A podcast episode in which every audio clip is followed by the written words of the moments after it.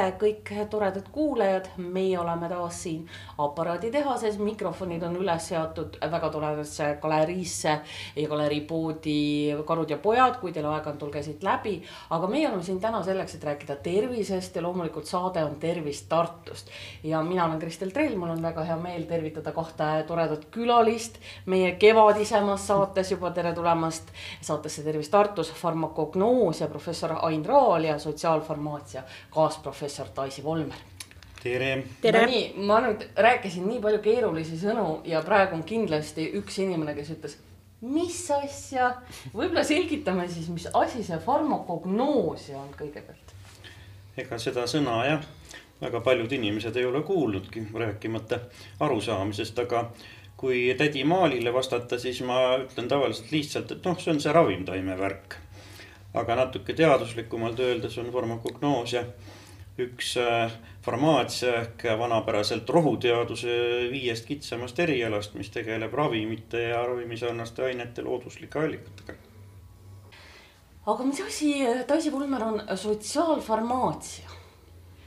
ja et äh, kui me räägime ravimitest, siis kindlasti on oluline nende kvaliteet, tootmine ühelt poolt, teiselt poolt ka äh, siis erinevad ravimvormid aga mis on mm, võib-olla inimese jaoks oluline, on see, et, et kuidas see ravim toimib. Ja, ja sellest inimese, inimesele rääkimine ongi üks äh, sotsiaalfarmaatsia suur osa, ehk siis äh, erinevad aspektid, mis lisaks ravimite kvaliteedile ja tootmisele on veel ravimite kasutamisega seotud, neid kõiki tegelikult katab sotsiaalfarmaatsia nii, nüüd ma arvan, et kõik said aru, eh, millega need inimesed tegelevad, kes meil täna saates külas on, aga loomulikult, et eh, rääkida üldse nagu farmaatsiast, siis eh, üks väga tähtis teetähis on. farmaatsia instituut saab saja kaheksakümne aastaseks, see tähendab, et juba sada kaheksakümmend aastat on Eestis siis olnud koolitatud farmatseute äh,. olgem terminoloogias täpsed ka tänapäeva Eestis on meil siis kaks äh, farmaatsia erialal tegutsevat ähm, kutset, üks on siis äh, proviisor ja teine on farmatseut. kui me räägime äh, Farmaatsia Instituudi juubelist, siis ülikoolis on alati koolitatud proviisoreid ehk siis kõrgharidusega ravimiteadlasi. kas need on need inimesed, keda me näeme apteegis leti taga? Ja neid te näete aga lisaks ka farmatseute ja selles mõttes ilmselt tavainimesele ei olegi aru saada, kes on proviisor, kes on farmatseut, ilma et vaataks rinnas olevat silti. mis nende vahe on selle kahe elukutse vahel, mina olen ka täiesti tavaline harilik apteegikülastaja ka ei tea, et kui me nüüd nagu neid kahte elukutset siis võrdleme, mis nende vahe on? Äh, vahe on selles, et äh, et õpitakse äh, proviisoriks kauem, ehk siis viis aastat, farmatseut õpib kolm aastat, ka äh, koolid on erinevad, mõlemad on küll kõrgkoolid, üks on siis Tartu Ülikool, teine äh, Tallinna Tervishoiu Kõrgkool, kus siis õpivad farmatseudid.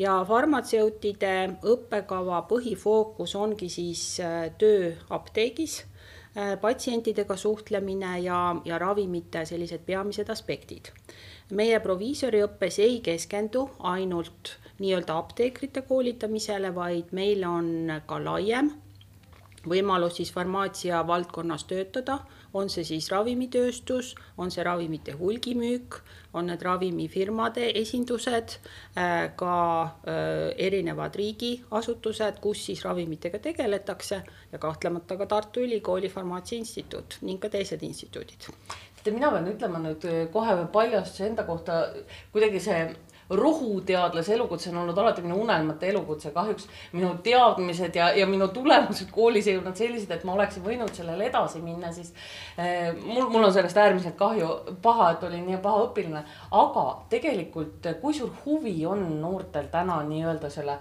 sama selle rohuteaduse kui, kui niisuguse, kui kõige laiemalt võtta vastu mulle tundub, et see farmaatsia on nagu mingisugune väikese saladuse loori alla äh, mattunud äh, eriala või tegevus. et äh, siin peab olema mingisugune seos varasem kas siis näiteks perekonnas on, on kuidagimoodi selle, selle erialaga varem tegeletud või on siis äh, selle kohta jah, kuskilt loetud natukene, aga ühiskonnas reeglina seda, seda valdkonda nagu väga hästi ei tunta. mis on aga hästi põnev, on see, et, et kui noor inimene juba selle enda jaoks avastab, siis, siis reeglina ollakse see väga, ollakse väga põnevil ja ollakse väga rahul, et, et see valik on tehtud. aga et selle, seda saladuse loori kergitada ja teada saada, mis farmaatsia on et, et siin ka meie instituudi poolt püüame siis nii palju tegutseda kui võimalik koostöös erinevate sektori osapooltega, et, et seda teadmist rohkem inimesteni viia. Ain Raal, kuidas teile tundub, kas te, kui te vaatate üliõpilasi täna ja võib-olla kakskümmend, kolmkümmend aastat tagasi, kas need inimesed on nagu muutunud ka, kes, kes täna tulevad võib-olla sellele erialale? on muutunud ikka ja päris palju on muutunud. kahtlemata noored inimesed on alati toredad nendega on hea töötada ja sa tunned ennastki kuidagi nooremana. aga eh, mis on käinud võib-olla kaasas sellise nüüdisaegse trendidega, no midagi ei ole teha, ma pean ikkagi ütlema, et eh, me oleme jõudnud aega, kus äh, kus noortel arvatakse olevat peamiselt õigused, aga minimaalselt kohustusi. kohustused, need kuulugu õppejõududele.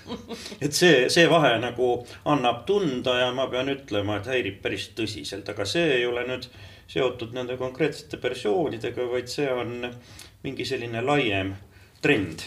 ehk kui ma vaatan ka kogu seda pedagoogilist tegevust ülikoolis olles olles ka niinimetatud hea õpetamise granti üks saanutest. ja, ja ma näen seda köögi poolt suhteliselt lähedal ka pedagoogikateadlaste osas, siis kahjuks küll see fookus on nagu kogu aeg suunatud sellele, et äh, kuidas me veelgi paremini tudengeid õpetaks, aga ma siiski tahaks näha selle fookuse nihet natukene ka tudengite suunas senisest rohkem, kuidas nad saaksid paremini õppida. kuulge, teate, ma pean nüüd tegema ühe põike kultuuri, sest mulle praegu just meenus, et kohe-kohe jõuab kinodesse Eesti sellise päris oma superkangelase lugu, apteeker Melchiori lugu. no mis pilguga teie nii-öelda vaatate üle ilma kuulsaid tänaseks juba Melchiori raamatuid ja kohe-kohe nüüd see film jõuab kinolinale, siis üks apteeker on Eesti esimene oma superkangelane. see teeb äh, uhkeid tundeid. olen ähm, kõik need äh, Melchiori raamatud äh, läbi lugenud. ja, ja see film täidab tõelise uhkusega mind, sellepärast et ega siis igaüks ikka, ikka uurijaks ei sobi ja mõrvade lahendajaks ja, ja see on auline roll ja samas ma, ma arvan, et see on küllaltki ajastu truu, et, et miks mitte polekski võinud üks apteeker seda rolli kanda omal ajal. peale nende paljude muude rollide, mis tal ühiskonnas täita oli.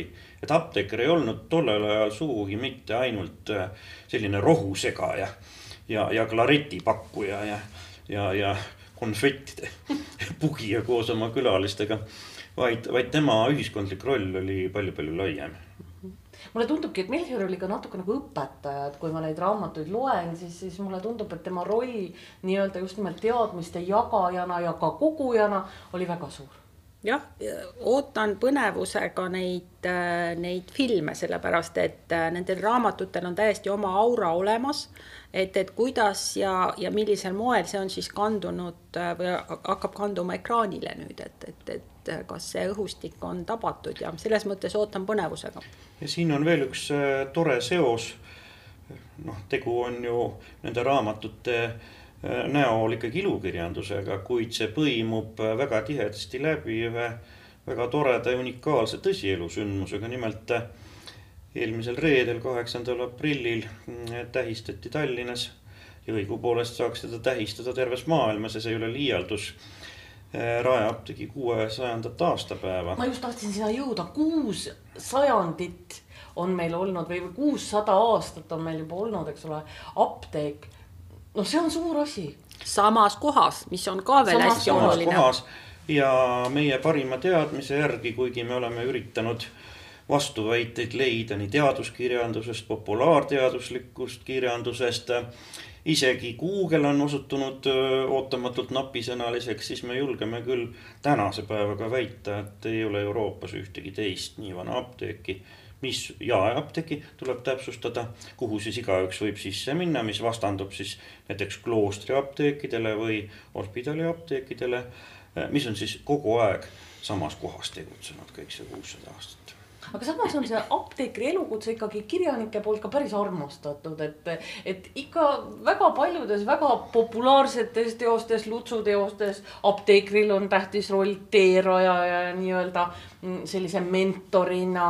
isegi Üle linna Minskis oli apteeker see, kes seda läbi seinte minemise pulbrit jagas, nii et. ärgem unustagem Pipi Pikksuka. ärme, ärgem unustagem Pipi Pikksuka, kes eh, käis ja, ja rohupuudiga väises. et mis teeb teie arvates apteegist sellise nagu ligitõmbava kohaga nagu ütleme kirjanike jaoks, kas seesama müstika, no natuke see apteekri elukutse on natuke selle müstikaga seotud just mul kaetud.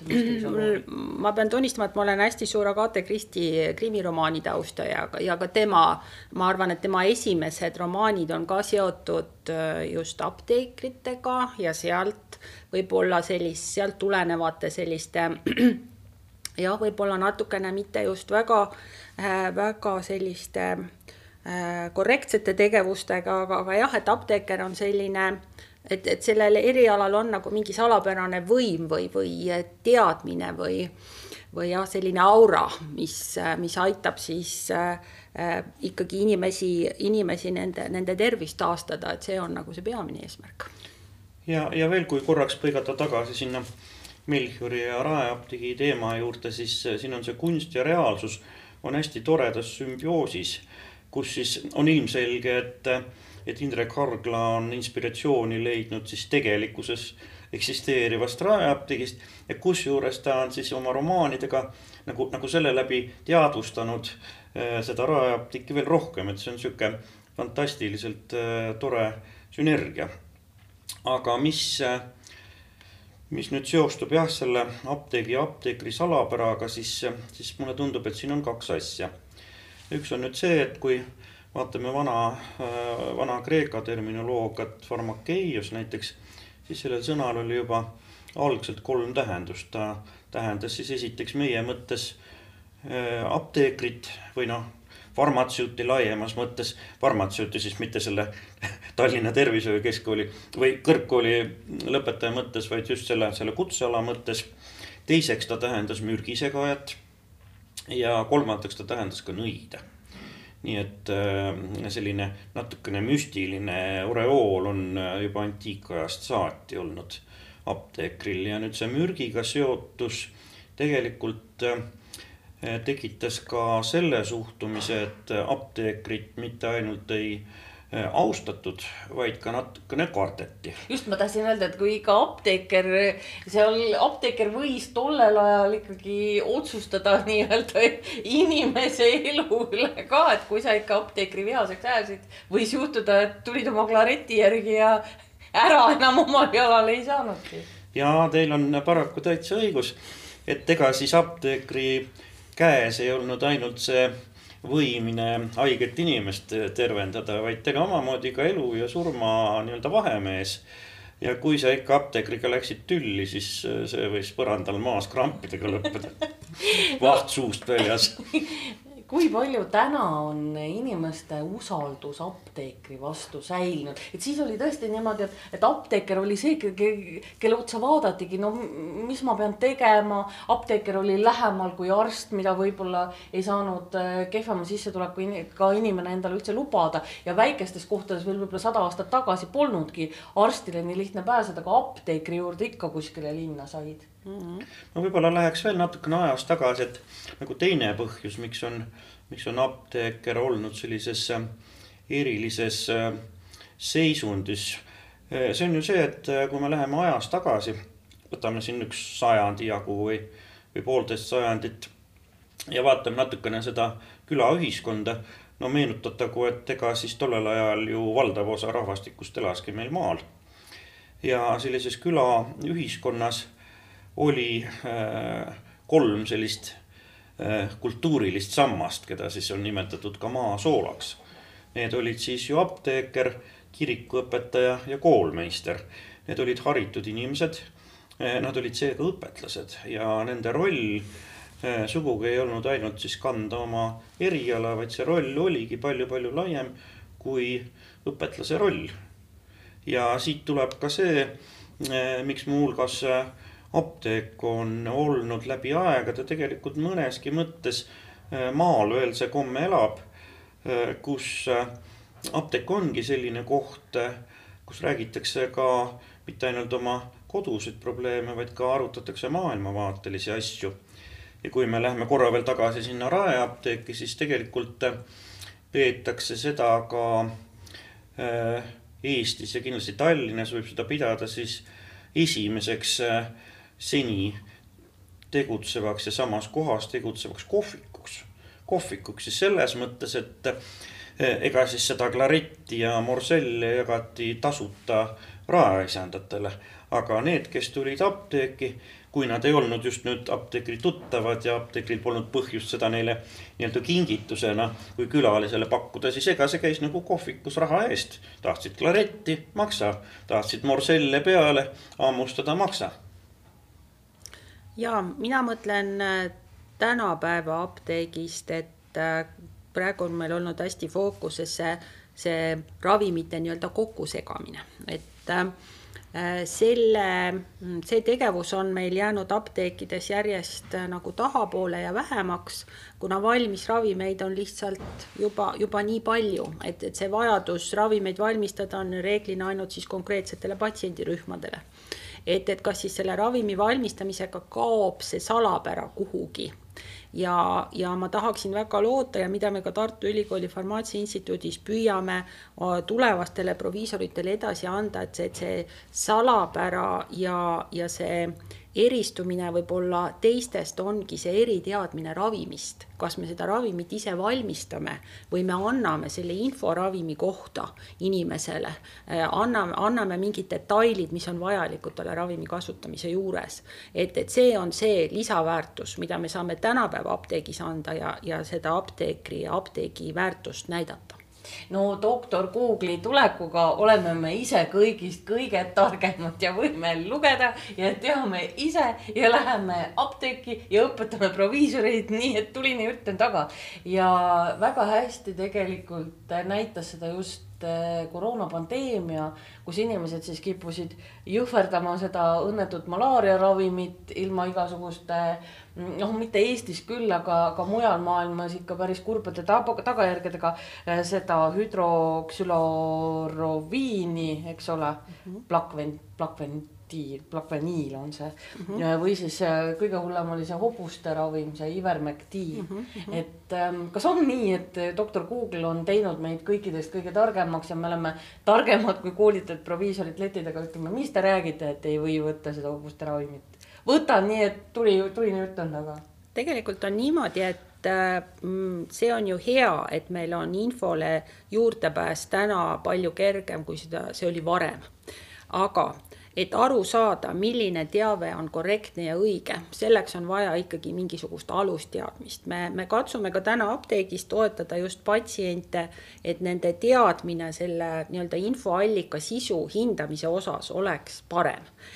et nad saaksid ise lugeda, et nad saaksid ka võib-olla sedasama ravimi infolehte kodus veel lugeda, mis on ravimipakiga kaasas aga need inimesed, kes on siis doktor Google'it väga tõsiselt võtnud, sealt leidnud erinevat teavet, nendega on tegelikult päris, päris keeruline, sest äh, hoitakse väga sellest võib-olla teinekord ka mitte tõenduspõhisest teadmisest kinni. ja inimest nii-öelda sinna õigele teele tagasi pöörata on palju keerulisem, kui anda talle nullist teadmine.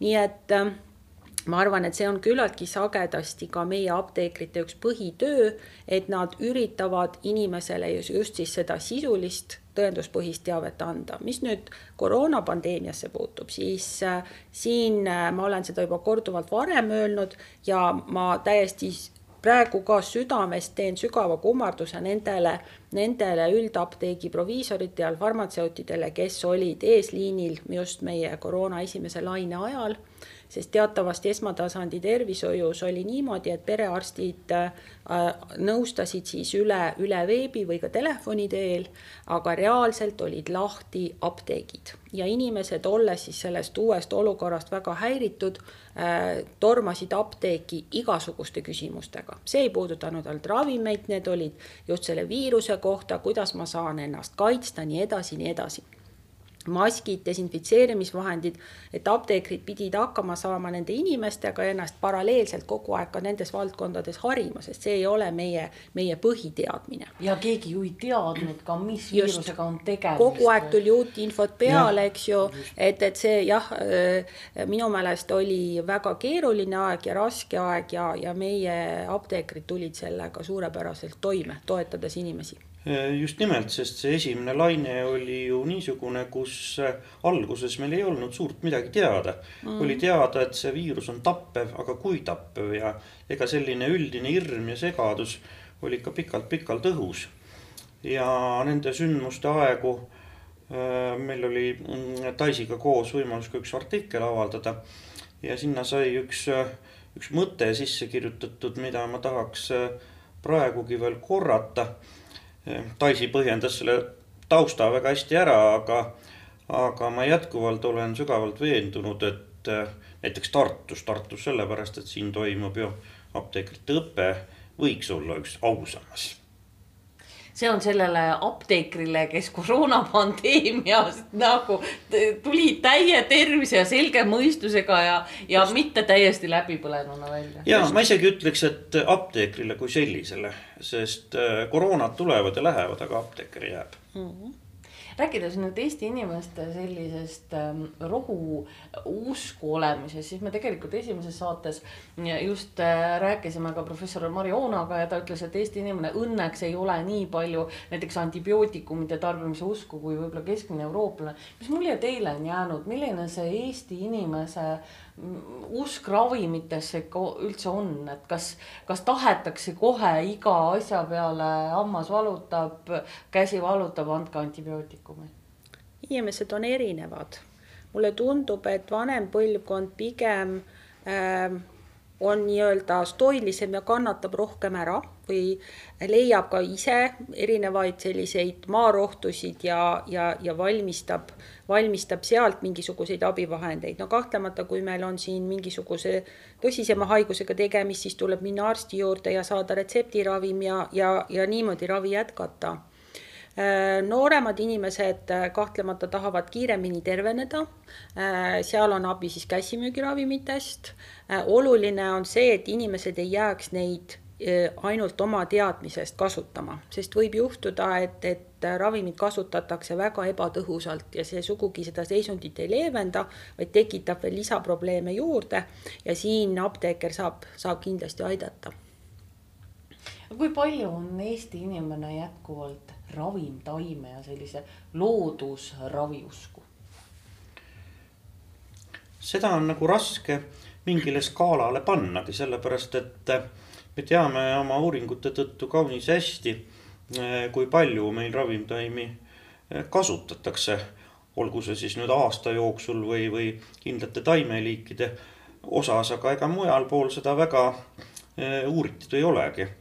aga kui vaadata nüüd äh, Äh, kasvõi pakendite arvu ja kilogramme, mis aastas kaubaks lähevad, siis võib öelda küll, et äh, meie inimesed on olulisel määral ravimtaime usku. Neid on muidugi väga erinevaid, neid huvigruppe ja, ja võib-olla Äh, mõned neist on ka natuke liiga palju usku. just ma tahtsin Aga... öelda, et seal on nagu see teine, see teine, see skaala teine pool on see, millega perearstid tegelikult peavad rinda pistma, on inimesed, kes lihtsalt ei usalda äh, meditsiini, ei usalda tegelikult neid välja, laborites välja töötatud ravimeid, vaid mm. ütlevad mm. ei, ma, ma ei tea, sünteesin pesuvalgendajast kloori ja joon seda ja mul läheb väga hästi mm. -hmm. jah, nii ta on, et et farmakognostina ma olen äh, püüdnud ka, ka inimesi harida just väga erinevate raamatute kaudu, et, et nagu, nagu ikkagi viia kohale see seos, et, et ravimtaimed tõesti aitavad meil tervist parandada, aga seda ainult sel juhul, kui me neid kasutame tõenduspõhiselt. kui seda toetavad teadusuuringud ja, ja kui teha äh, ravimtaimega ka selliseid koduseid äh, toiminguid just nimelt asjatundlikult äh, teades ja õigesti osates, siis võib äh, võib isegi üle ootuste häid äh, tulemusi saada. kuid samas tuleb ka mõista, et on olukorrad, kus ei ole mõtet ravimtaimedele loota. aga mis puudutab veel seda populaarsust, siis eks parim vastus on ka ju see, mida me apteegis näeme. Ehk kapitalismis on nõndamoodi, et ega midagi ei müüa sellist, mida keegi ei osta ja siiamaani me näeme ju meie apteekides äh, ravimtaimede nurka. Äh, ja meile tundub see nii loogiline, et kus siis veel mujal kui, kui apteegis peabki ju müüma äh, ravimtaimi, nii on meil olnud ju aastakümneid, isegi sajandeid lausa ja seda ilma liialdamata. samas aga mingem näiteks Põhjamaadesse või, või rikkudes ringi paljudes lääneriikides, ega me sellist pilti ei näegi ja, ja kui sa siis apteekri käest küsid, et kas teil neid drooge ka on, siis, siis ei saada sinust aru ja pakutakse küll tablette või kapsleid või, või, või kreeme ja, ja kui sa seletad ära, mida sa tegelikult mõtlesid seda kuivatatud taime osa. ja osta Pärna õisi. jah, et siis vaadatakse sind äh, sellise näoga nagu noh, et endal jääb selline tunne nagu vanasti öeldud maalt ja hobusega aga rääkides nüüd äh, nagu sellest lainest, sellest hirmsast kloorijuumise lainest, mis kindlasti paljude inimeste tervisele ka palju kahju tegi. mis te arvate, kust see tuli ja, ja miks ta Eestis ikkagi nii populaarseks sai? siin on nüüd isegi raske öelda, et siin võib olla kaks põhjust. selliste fenomenidega võib kokku puutuda küllaltki palju, vaadates siis ka teatud toidulisandeid, mida siis järsku väga jõuliselt hakatakse turul pakkuma, kusjuures valdavalt just läbi interneti. Äh, või siis ka, ka mingeid äh, muid äh, selliseid nii, niinimetatud imeravimeid või siis, mis on hästi-hästi omane, et aeg-ajalt kuskilt ujuvad välja aegade tagant mingid sellised eksootilised taimed, mida senini nagu suurt uuritud ei olegi. Ja järsku pauhti tehakse sellest siis selline imetaim, mis mis kõiki asju ravib. et siin on ilmselt mitu põhjust, et üks asi on see, eh, mis on aegade algusest ilmselt inimestele sisse kodeeritud, on see, see usk ja ootus imeravimit suhtes, et no lõpuks koidab see, see päev enne ja, ja nüüd ja lõpuks tuleb see imeravim, eks ole. miks see nii on, miks me ikka veel, me oleme kahekümne esimeses sajandis, robotid toovad toidu koju, ikka usume imeravimisse nagu eh, kuussada aastat tagasi. vot nendes eh, robotites see asi ongi, eks ole, et eh, kui me näeme, eks ole, millise meeletu tempoga tehnika areneb, eks ole, siis inim-, inimene kannab selle ju ka Äh, ka siis äh, ravivahenditesse, ka ravimitesse, ravimisarnastesse ainetesse üles ja mõtleb, et sihuke tohutu areng toimub siis ühel päeval ka nendega. aga see ei ole niimoodi, et need ei käi nagu, nagu koos. Äh, teine asi on ka ilmselt see, et see on ka kuidagi psühholoogiliselt inimesele alati omane, ta tahab kuuluda mingisse rühma, ta tahab olla eriline ja, ja sellised kinnised foorumid seal internetis, kus midagi müüakse ja, ja, ja pakutakse ja omavahel seda niinimetatud infot vahetatakse, millel ei pruugi tegelikult olla tegelikkusega mingit pistmist. seal tunnebki inimene ennast nagu erilisena, et ma olen sattunud justkui nagu äravalitute äh, hulka, ma olen nagu mingisuguses salaühingus äh,. võib-olla kõik ei teagi ümberringi, et mina kuulun sinna, ma olen ma olen nii eriline, ega see tõde ei huvita sealjuures mitte kedagi. Ja imeravim on üks asi, mida loodeti, on tegelikult kaks aastat ka. Inimesed väga oodanud selles samas koroonapandeemias olnud pahased, et noh, kuidas siis nüüd seesama asi, mida te ütlesite, kõik areneb tohutu kiirusega, no nüüd ei saa seda koroona imeravimit välja töötada.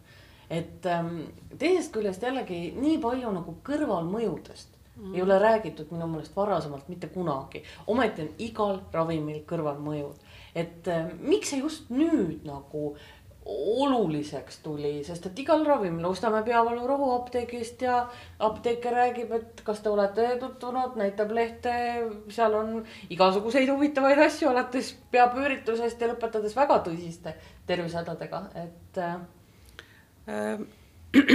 tõenduspõhise meditsiini selline minu meelest peamine alus on see, et, et äh, me, me lähtumegi konkreetsetest faktidest, on uuringud, mis siis näitavad mingisuguseid tulemusi ja, ja me oleme selles mõttes ausad, me, me räägime nendest soovitud toimetest, aga on teada, on uuritud, et on ka teatud kõrvaltoimed olemas.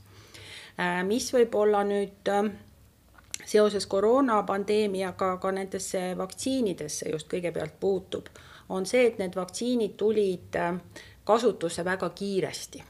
Ja see äh, ikkagi tekitas äh, teatud teadmatuse, eks ju, et, et see nii-öelda see tavapärane tsükkel, kus ka kõikvõimalikud probleemid oleksid selgunud, seda lihtsalt ei jõutud läbi teha ja need nüüd siis tasapisi on nüüd selgunud inimestel kasutades nii-öelda turustamisjärgselt või need müügiload on antud siis teatud klausliga välja, et need, need uuringud jätkuvad ja, ja selle tõttu ka võib-olla on nendel kõrvaltoimetel olnud nagu hästi-hästi suur fookus või seda jälgitakse väga-väga piinliku täpsusega, et mis sealt siis nüüd tuleb, mis inimestel, millised probleemid võivad avalduda samas äh, äh, tuleb ka seda mõelda, et, et kui inimene on selle haiguse läbi põdenud, ka siin on meil võib-olla teatud tüsistused, mida me ei oska veel oodatagi, räägitakse tegelikult tervishoiusüsteemi päris suurest koormusest. nüüd just nende inimeste puhul, kes on äh, koroona läbi põdenud ja kellel on üks või teine sümptomaatika jäänud teda püsivalt saatma. nii et me peame ka neid inimesi hakkama täiendavalt ravima ja see on üks patsientide rühm, mis, mis on tulevikus ilmselt küllaltki oluline saab olema.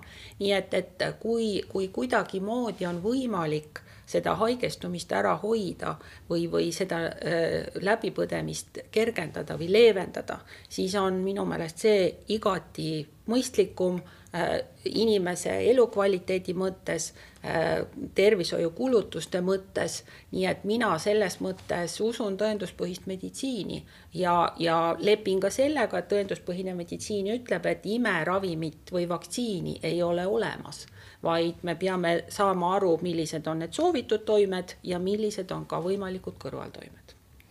jah, ma olen igati Daisiga nõus ja, ja võib-olla siia äh, annab tuua jällegi sellise maailmavaatelise äh, tasandi juurde.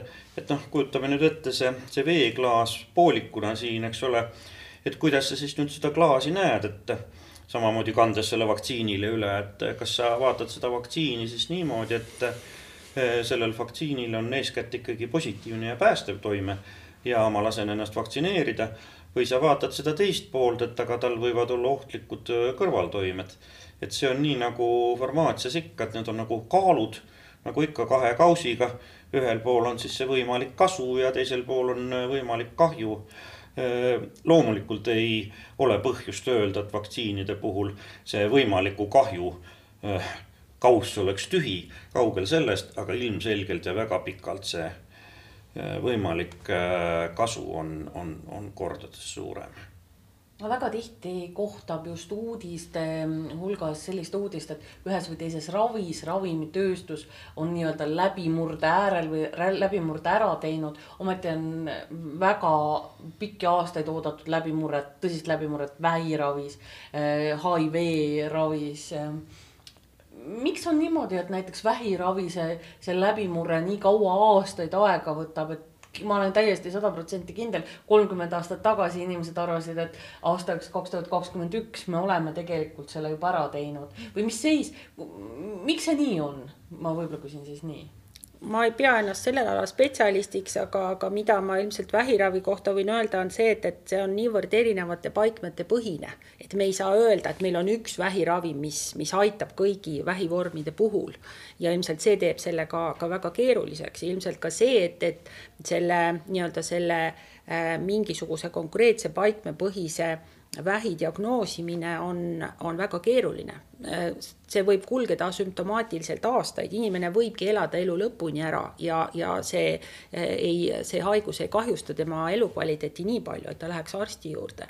mõnel juhul käib see protsess väga kiiresti nii et lihtsalt meil on väga nii-öelda väga erineva kuluga vähivormidega tegemist ja siin ühe sellise universaalse ravimi peale me loota ei saa et jah, võib-olla kui, kui me siin läheme juba personaalmeditsiini juurde ja, ja vaatame seal nii-öelda geeni tasemel inimese, inimese organismi, et me juba näeme võib-olla mingisuguseid riske ette, kus kus nagu mingisuguse kroonilise, jättes vähi kõrvale, mingi konkreetse kroonilise haiguse esinemise risk võib olla suurem, et see võib olla see võti, mis, mis aitab meil võib-olla seda inimest tulevikus aidata, kas siis tema elustiili osas või, või tõesti siis äh, ka mingisuguste meditsiiniliste võtetega äh, olukorda nii palju muuta, et me saame neid haigestumisriske äh, võimalikult vähendada. Äh, täiesti elimineerida ilmselt seda võimalik ei ole. Kui pikad on üldse ravimite väljatöötamise protsessid, inimestel võib-olla tundub, no mis seal siis on, teadlased istuvad seal laborites, noh, aeg, aeg on sealmaal, tehtagu ära loetakse ikka viisteist, kakskümmend aastat võib-olla ühe ravimi väljatöötamisprotsess.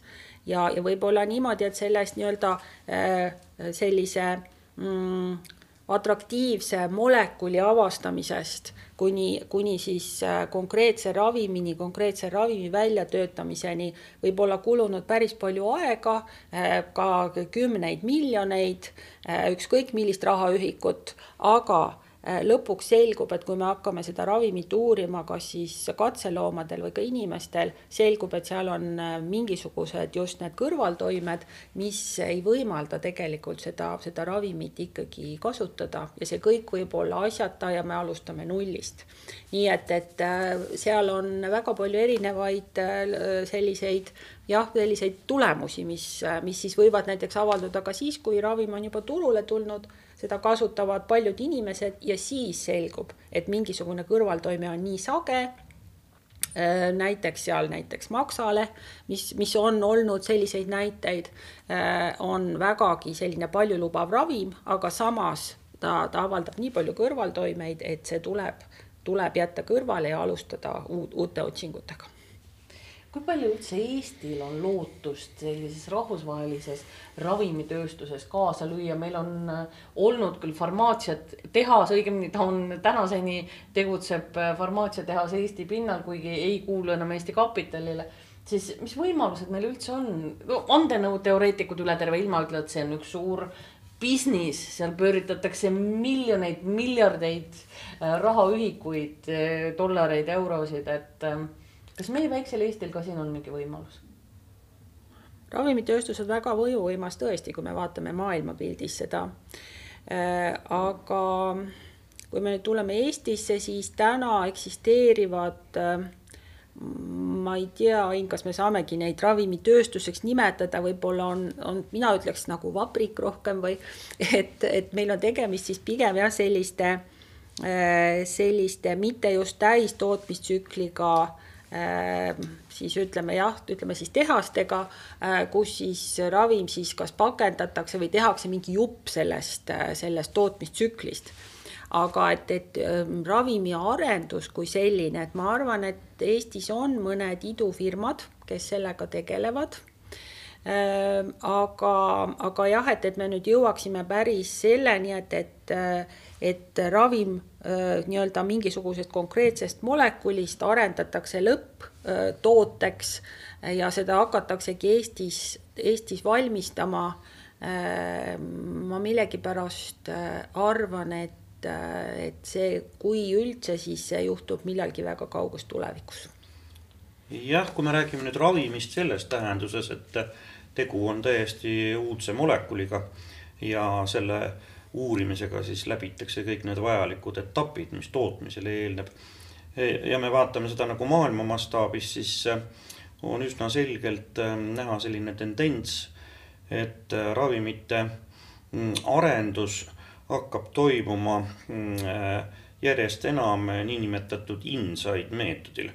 see tähendab siis seda, et kui traditsiooniliselt on farmaatsiatööstused teinud koostööd ka ülikoolidega, rahastanud neid projekte, maksnud nendele teadlastele, nad on oma panuse andnud, siis nüüd kõik see on koondunud suurte farmaatsiafirmade eneste kätte, kes ühinevad, muutuvad üha suuremaks, tugevamaks ja kes on siis loonud ka iseenda juurde laborid, kaasates, kutsudes sinna siis tööle eh, ka mm, teadlasi ja selline lähenemine on eh, väga pragmaatiline. aga see ei võta ära sellist sõltumatut pilku?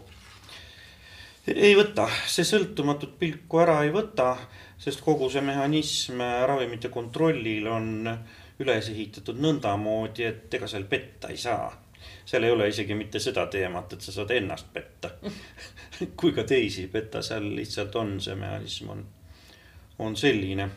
Aga võib-olla korraks veel mm, tulles tagasi sinna, sinna vähiravimite juurde, et jah, minugi eriala ei ole ju onkoloogia, aga, aga ma tahaks tähelepanu juhtida sellele, et kui me läheme ajas tagasi, no võtame üks, üks nelikümmend, viiskümmend aastat äh, nõukogu perioodi Äh, siis äh, mis siis oli? Kui inimesel diagnoositi vähk, siis oli ju veel see salastamise komme, et ega patsiendile endale seda diagnoosi ei teatud, see teatati siis nii ääri-veeri omastele. ja põhjus oli mis? põhjus oli väga lihtne. tollel ajal peeti vähki surmahaiguseks. see tähendab siis seda, et kui sa said teada diagnoosi, siis sa said sama hea kui, kui surmaotsuse teada, küsimus oli ainult, et noh, kaua siis seda aega nüüd veel on, eks ole, kui me tuleme praeguse aega tagasi, eks ole, siis eh, esiteks eh, patsiendile öeldakse tema diagnoos ja antakse väga täpset infot ja asi on pöördunud, tänapäeval ei käsitleta vähki üldse mitte surmahaigusena. tõsi küll, eh, seda võetakse väga raskesti ravitava haigusega, aga ja mille, mille tervenemisprognoos on äh, märksa, märksa madalam kui, kui, kui paljude teiste haiguste puhul, aga ta ei ole enam see surmahaigus ja, ja siin on muidugi mm, oma osa ka sellel, et äh, kui ravimid kõrvale jätta, siis kemoteraapia on edasi arenenud, äh, kiiritusteraapia on edasi arenenud ja, ja kui me jätame ka kõrvale ravimite puhul need päris uued molekulid, siis on äh, Äh, farmatseutilise tehnoloogia arengu tõttu äh, parandatud ka olemasolevaid toimeaineid. Äh, näiteks nanotehnoloogiliste võtete abil, mis siis nende kõrvaltoimeid aitavad vähendada, nende efektiivsust suurendada või siis luuakse juba tuntud molekulidele erilisi selliseid ravimkandursüsteeme, mille tõttu suudetakse Äh, toimeainet äh, transportida selleks vajalikku kohta, kahjustades organismi vähem. Äh, nii et see areng on ilmselgelt toimunud, aga no ütleme nii, et vastane on ka väga tugev ja komplitseeritud. rääkides nüüd natuke apteekidest, siis eh, noh, palju on ju räägitud sellest nii-öelda mm, ravimite müügi koondumisest kettide kätte, suurte ettevõtjate kätte. selliseid pisikesi maa-apteeke, kus on, mis on proviisori, kus, kus on keegi proua proviisor ja tema ise ongi apteegipidaja ja tema teab, mis seal on. kas nüüd mulle tundub, et neid jääb järjest vähemaks, et, et igal pool on suured kaubanduskeskused, ketiapteegid, mine sinna, kui rohtu tahad osta meil täna Eestis enam apteegikette ei eksisteeri Äh, aga meil on nüüd kõik proviisorapteegid. meil on proviisorapteegid äh, juriidilises mõttes. Mm,, aga nad on koondunud turunduskettidesse, mis võib-olla tekitab tavainimeses segadust, sest tegelikult pilt ei ole kuidagimoodi muutunud, seesama Apotheka või, või Benu vaatab või Südameapteek vaatab samamoodi vastu ja kujunduses ei ole ka midagi muutunud, nii et tavainimene sellest väga-väga palju aru ei saa. Aga, aga jaa, et, et neid nii-öelda Äh, nii-öelda selliseid äh, üksiku proviisori apteeke kuskil maal, neid jääb järjest vähemaks, sest maal üldse jääb apteeke vähemaks, aga. kuule, aga see on ju väga halb selles mõttes, et mulle tundub, et siis on inimese ligipääs nagu ravimitele veel, veelgi rohkem pärsitud, et. et kui see, kui see memmekene elab seal kusagil kohas, kuhu buss käib kaks korda nädalas ja, ja apteek ka sealt ära kaob, siis, siis on see tegelikult, see on maal ikkagi päris suur löök jah, aga ma arvan, et see on meie, meie üldine selline regionaalpoliitiline probleem. apteek ei kao sealt üksi ära, sealt kaob ka pood ära, kui seal ka oli perearst, siis kaob ka, on ka tema võib-olla ära kadunud. et, et võib-olla isegi apteek veel korra või paar nädalas on seal lahti, aga et, et ka need teised olulised tugistruktuurid sealt hakkavad ära kaduma nii et, et äh, seda ainult apteegi varal üleval hoida, seda regionaalpoliitikat on äh, ilmselt päris, päris keeruline. Aga, aga jah, et mida ma võib-olla veel tahan öelda siin, et et jah, ühelt poolt on see võib-olla see nii-öelda see, see ketistumine, mida, mida nähakse või, või jah, nii-öelda see nii-öelda erinevate turunduskettide kuvand, mis inimesi võib häirida. Aga sealsamas, kui ma olen rääkinud praktiseerivate proviisoritega, ükskõik kust ketist nad on, siis tegelikult see, äh, see, see proviisor, kes on seal leti taga, tema sellele ärile nii palju ei mõtle tema on koolitatud selleks, et ta inimest aitab ja, ja reeglina ta seda ka teeb. ja seda tehakse küllaltki siiralt, nii et, et mina siin nagu selles mõttes väga suurt probleemi ei näe. jah, see, see apteekide kadumine maa Äh, rajoonides on ka minu arvates natukene üle dramatiseeritud äh, probleem. sest ega põhihäda ei ole mitte apteekides, vaid põhihäda on selles, et äh, inimesed kaovad sealt ära, nad lähevad ära linnadesse. Nooremad inimesed, vanemad surevad. ja kellele see apteek siis abi lõpuks pakub, ega ta ei ole ju karude ja jäneste jaoks et see on selline paratamatu linnastumise protsess.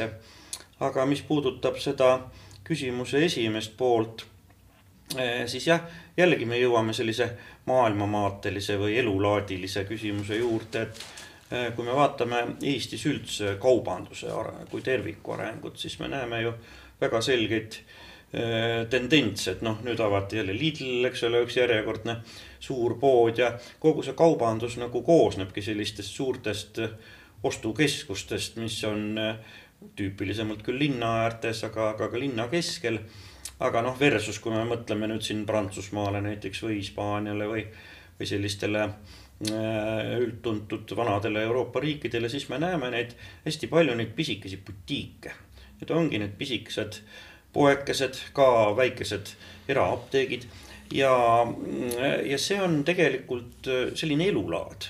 See ongi inimese elulaad, olla siis selline apteeker, pidada oma pereapteeki, mitte saada miljonäriks seejuures, aga elada normaalselt ära. ja kusjuures see on tõesti hea, hea tähelepanek, sest ma olen tihti, kui ma välismaal olen käinud ja mitte, et ma, ma ei tea, kas ma olen nüüd väga rohuusku, aga ikka teinekord tuleb ette, et sul on vaja reisil minna apteeki. see on selline pisikene apteek, seal müüakse igasuguseid asju, on ju, noh, müüakse ravimtaimi, müüakse päris selliseid ähm, traditsioonilisi tablette igasuguseid toonikume ja sa, samal ajal võib sealt kommi ka osta, kommi ja, ja mingit tervislikumat laadi mahlajooki ja niimoodi. et, et see ongi, see ongi ühe pere käes. Jah, see on ilmselt Lõuna-Euroopale rohkem omane, kui me räägime Skandinaavia maadest ja Põhjamaadest, siis äh, näiteks Taani äh, Taani eriti, ka Rootsi, et seal on meil hästi suured apteegid ja, ja seal on jah, kümme ja rohkem tuhat elanikku apteegi kohta, nii et nende traditsioon on jälle teistsugune. Aga see toob kaasa ühe teise äh, diskussiooni, mis on ka olnud nagu üleval, see on see, et miks me siis ikkagi ei võiks müüa peavalurohtusid toidupoest nagu Ameerikas Mm, seda tehakse ka Euroopas. Holland on näiteks üks selline näide, kus ma oma silmaga olen näinud, näinud, kus on suures, suures kaubanduskeskuses, nad ei ole küll inimesele kättesaadavad äh, avariiulil, aga, aga jah, klaasi all, aga sa pead küsima, aga neid on võimalik, võimalik jah osta, et et äh, ma arvan, et siin on ikkagi see nagu oli sellest mürgi segamisest alguses juttu, eks ju. et äh, me peame, me ei, me ei tohi ära unustada, et ravim on ikkagi mürk.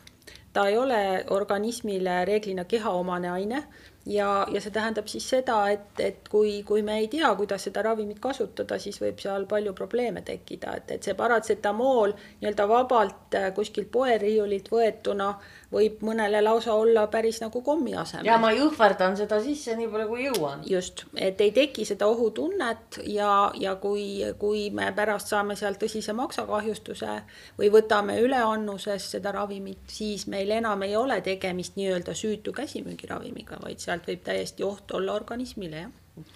jah, olen minagi näinud äh, Küprosel äh, pilti, kus üksteise kõrval oli paratsetamool, piibutubakas, kondoomid ja tulemasin. noh, mõni meeter eemalt siis vein-õlu ja muu ülivajalik. et nojah see nagu ajab naerma, aga, aga tegelikult on see, see kurb, seda ei tohiks olla.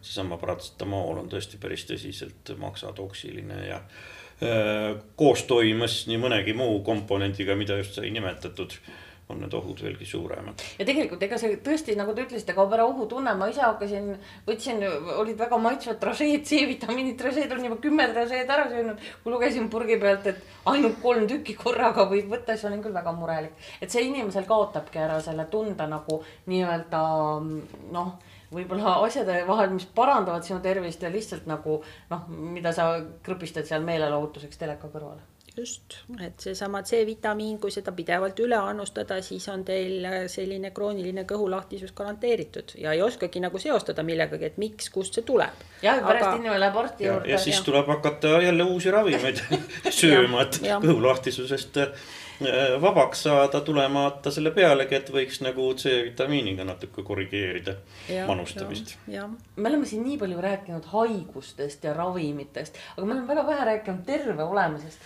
kuulge, mulle tundub, et eestlased on ikkagi kõige targem rahvas äh, maailmas selle poolest, et nad oskavad äh, ennast nagu sellesama loodusravimitega nagu terved hoida. või oleme selle oskuse täitsa ära minetanud, et ma mäletan, et kadunud vanaema eriti ravimeid ei võtnud pani ikka paiselehe peale, kui kuskilt oli ennast ära kõrvetanud ja jõi Pärna viie teed, kui köha oli ja.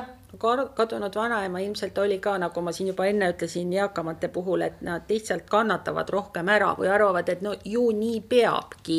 et, et ma olen juba vana, siit või sealt valutab, et ju nii peabki, ei pea, et ma arvan, et tänapäeval juba nii ei pea aga, aga jaa, et, et kui, kui on võimalik ennetada, siis aga noh, inimene on reeglina mugav, et ta hakkab ravimeid kasutama siis, kui tal on midagi viga ja me ei saagi ravimitega ennetada haigusi, vaid me peame oma elustiili vaatama ja ka jah, täna, tänast elutempot nähes ja, ja, ja inimeste sellist tohutut kiirustamist samamoodi ma olin isegi just äh, nädalavahetusel rääkisin siin ühe inimesega, kes ütles, et kas sa tead, kui, kui hea on mediteerida et seal on väikesed nipid, kuidas seda teha ja sa, sa tuled nagu sellest igapäevarutiinist ja pingest välja. ma ütlesin talle, sõber, mul ei ole selleks aega et, et jah, et senikaua, kui me vastu peame, senikaua me ilmselt enda, enda heaks väga palju ei tee, aga see ei ole kindlasti õige, siin võiks meelde tuletada ühte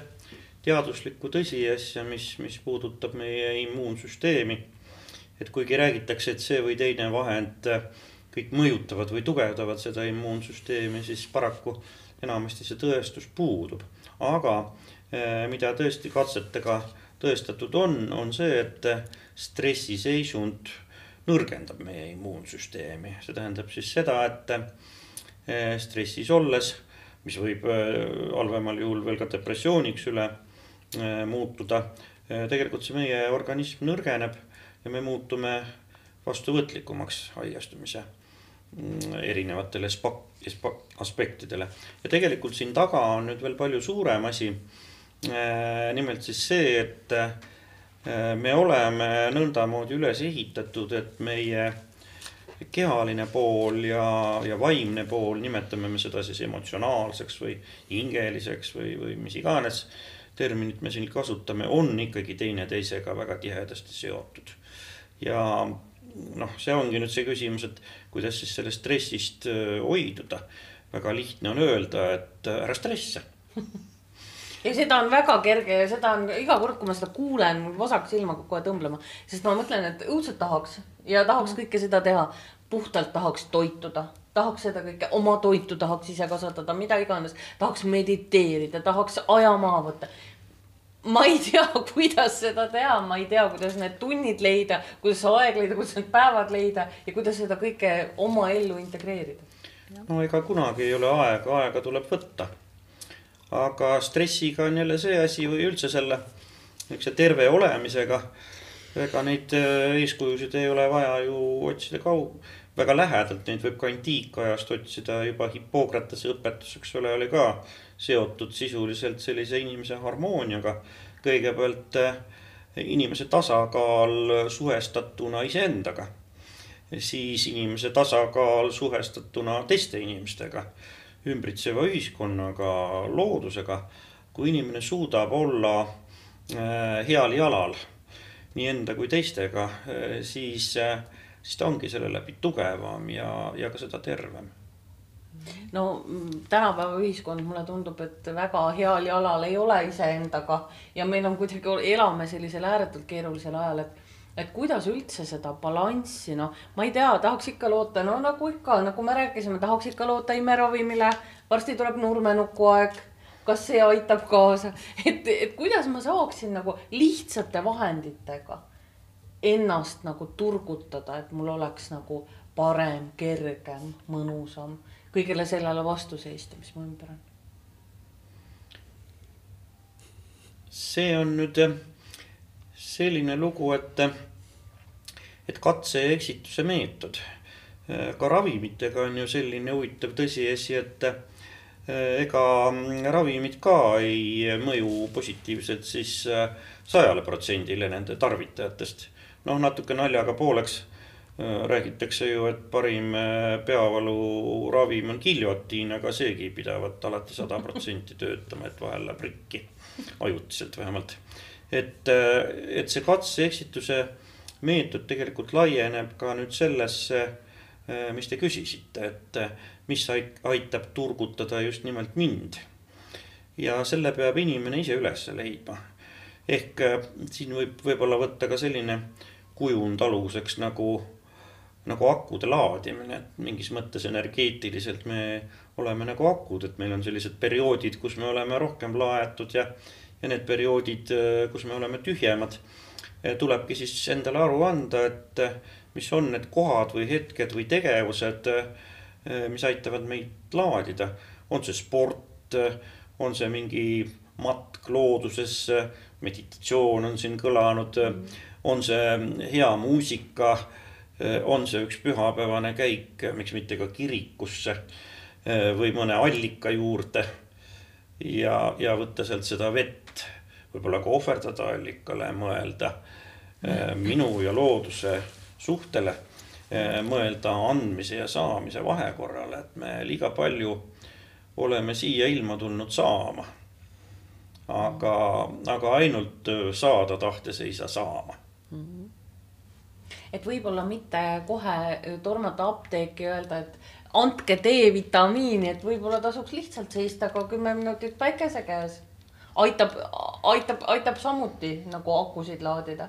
et võib-olla ongi see meie, meie viga see, et me, me esimese asjana, kui me tunneme, et aa hmm, nii, nüüd lähen apteeki ja küsin mingit ravimit, küllap see aitab. no eks inimene on ikka oma loomuselt ju mugav ja et, et tundub, et, et kui meil on äh, veel selliste võlunimedega erinevad äh, preparaadid ja ka ütleme jah, seal toidulisandid. Äh, hea tuju tabletid. ja et, et siis, kui ma selle nüüd alla neelan, aga, aga ikkagi stressan ja, ja olen üle töötanud ja ei maga ja no miks see, miks see jah, see tablett või, või mingi muu ravim ja, või, või toode mind siis ei aita, jah. paneme raha letile. ja nüüd olgu olla, olgu tervis olla kohe ja ruttu. aga see ei ole. see ei ole realistlik jah. see ei ole jah enamasti nii kuulge, me oleme nüüd äh, rääkinud tubli tunnikese kõikidest nendest asjadest ja lõpuks jõudnud ikkagi terve olemiseni ka. katsume siis ikka terved olla ja katsume rohkem pühenduda terve olemisele, et peaks vähem pühenduma erinevate haiguste ravimisele, aga loomulikult tore on see, et meil on endiselt äh, seisavad lettide taga haritud targad proviisorid. kas äh, tuleb julgeda ikkagi apteeki minna, julgustate, et kui te lähete apteeki, küsige ka, mitte ärge haarake seda pakki ja pange kohe. absoluutselt, apteek ei ole pood, vaid seal on spetsialistid, kes kahtlemata ka poes on oma, oma valdkonna spetsialistid, aga, aga ma ei tõmbaks äh, võrdusmärki ravimi ja, ja ütleme, mingisuguste teiste toodete vahele, sest ravim mõjutab meie, meie organismi ikkagi väga palju, ka meie tervist, meie hea, heaolu ja, ja see, see teadmine on meie apteekritel täna olemas, et, et inimesi selles osas aidata. et võib julgeda küsida, et mis siis, et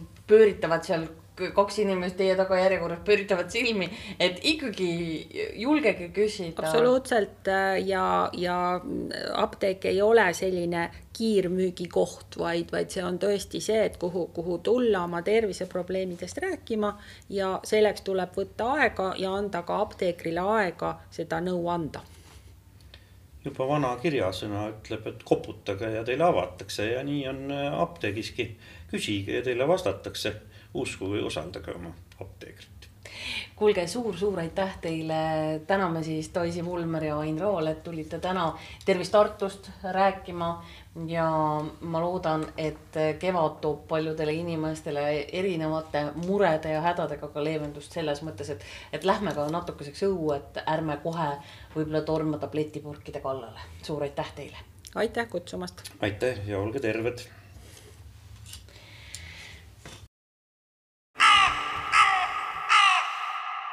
Tartu Hääl